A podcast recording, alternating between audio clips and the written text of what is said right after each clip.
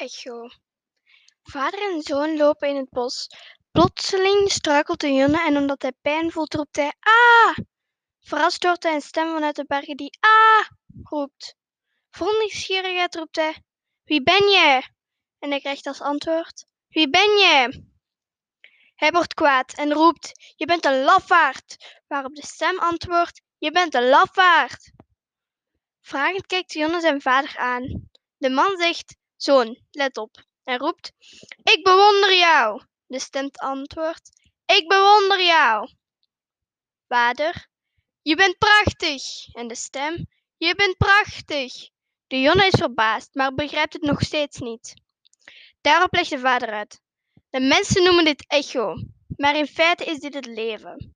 Het leven geeft je altijd terug wat je er zelf in brengt. Het leven is een spiegel van jouw handelingen. Als je meer liefde wilt, geef dan meer liefde. Wil je meer vriendelijkheid? Geef dan meer vriendelijkheid.